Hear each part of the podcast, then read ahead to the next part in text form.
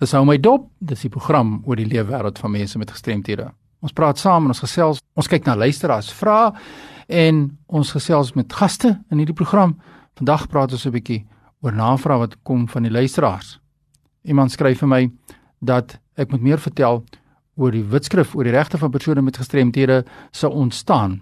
Ons gaan net toe daarby uitkom en ek gaan 'n paar programme daaraan aandag gee, maar eersins wil ek net sê dat baie belangrik dat ons nie sosiale verandering in Suid-Afrika kan beweegbring of tot gevolg hê as ons nie iets doen met die inligting wat tot ons beskikking is nie, tot die wetskrif en die wetgewing wat tot ons beskikking is nie, gaan dinge nie verander nie. So daar's 'n beroep op die breë gemeenskap wat vra dat ons moet asseblief dit in praktyk in plek sit. So daarom is dit lekker as die luisteraars vra deurstuur meer wil weet oor wat is die wetskrif en wat is die riglyne? Nou ons het al baie oor die wetskrif gepraat en ek wil graag nog 'n paar luisteraars vra dan antwoord daarop. Ander belangrike punt wat ek net wil noem is dat ons kyk baie keer na wet, na wetgewing en na wetskrifte en na riglyne, maar ons kyk daarna soos dit deur ons eie oë gesien word. Nou, Nin het gesê, "We don't see things as they are. We see things as we are." En dit is so belangrik in enige aspek van die lewe.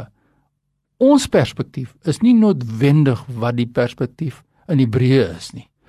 Kom ek neem 'n voorbeeld. Ek gebruik altyd in my aanbiedings 'n prentjie van twee gevangenes wat in die tronk sit en hulle is twee ouetjies sit daar en elkeen het 'n tekenbord voor hom, sit rug na rug, weg van mekaar af en voor hulle is daar 'n venster. En die venster is natuurlik tralies voor.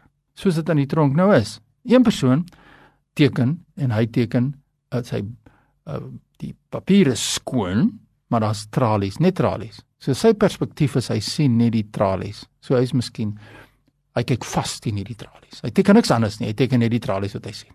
Die ander persoon teken 'n mooi landskap wat jy deur die venster kan sien en op sy doek in papier verskyn net 'n mooi landskap. Nou elkeen sien sy perspektief op wat aan die gang is en wat hulle sien.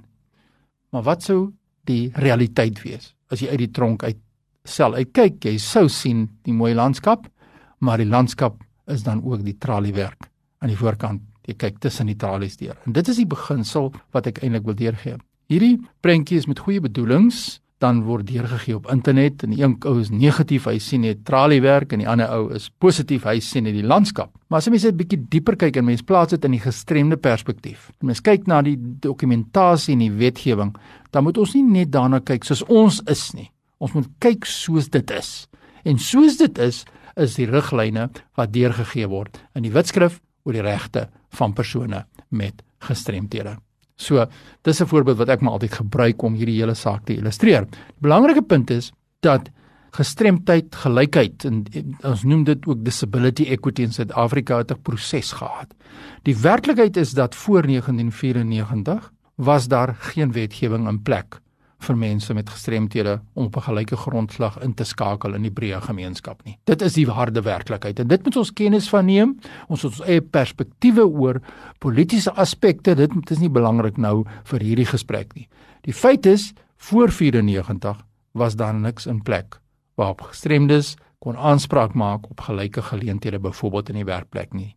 Nou in 1994 het baie dinge gebeur die nuwe bedeling het gekom, nuwe wetgewing in plek gesit, onder andere die Employment Equity Act for example. Die Employment Equity Act. As mens dit as 'n voorbeeld kan gebruik, dat baie ander wetgewing in plek kom, die kode van goeie praktyk in die hantering van persone met gestremthede, die tegniese ondersteuningsriglyne.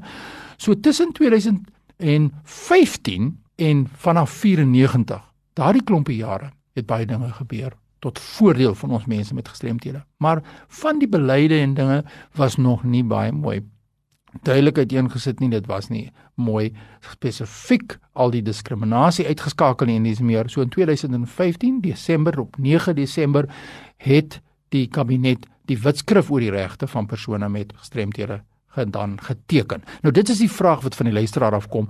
Wat is hierdie wetgewing hierdie wetskrif en wat is die doel met die wetskrif. En dit is presies waar dit begin het in 2015 op 9 Desember en te sê ons gaan kyk dan nou wat sê hierdie wetskrif dan nou alles. Maar ons moet 'n pad stap van 2016 in die toekoms in. En dit is waarvoor ons hierdie program hier het om seker te maak dat mense ingelig is van wat die wetskrif is, wat die pad vorentoe is met hierdie baie belangrike saak en wat is die riglyne wat dan gegee word. So dis die agtergrond. Maar wat ook baie belangrik is ter afsluiting van vandag se gesprek is dat die wetskrif is gerig op 'n internasionale dokument wat geteken is deur Suid-Afrika, naamlik die VN konvensie oor die regte van persone met gestremthede. Suid-Afrika was die een van die leiers by die Verenigde Volke oor die daarstelling van hierdie konvensie want dit het gelei in van 1997 af dat die wetgewing wat Suid-Afrika geplaas is ten opsigte van gestremdheid en mense met gestremthede het 'n maatstaf gehad wat die VN konvensie is. Nou as jy op Google gaan en jy tik in the United Nations Convention on the Rights of Persons with Disabilities, dis die fondament van ons wetgewing, dan sal hy opkom die VN konvensie. En wat so oulik is, die VN konvensie is ook in eenvoudiger taal geskrewe dele wat vir jou baie maklik uiteensit in 'n baie gebruikersvriendelike dokument. So, om af te sluit dan. Die vraag is, waar kom die wetskrif vandaan? Hoe het hy ontstaan? Hy het ontstaan deur 'n lange proses tussen 1994 en 2015. Baie onderhandelinge, baie wetgewing wat reeds op tafel geplaas is in die toekoms in te stap vanaf 9 Desember 2015 in die toekoms in. Ons is nou in die toekoms en ons is nou al in 2020. So ons moet begin vra die vraag hoe word die wetgewing en die wetskrif toegepas. Volgende keer gesels ek verder oor daardie saak want dit is 'n gesprek vir 'n ander keer. My e-pos is fani.dt by mweb.co.za. Groetens tot volgende keer.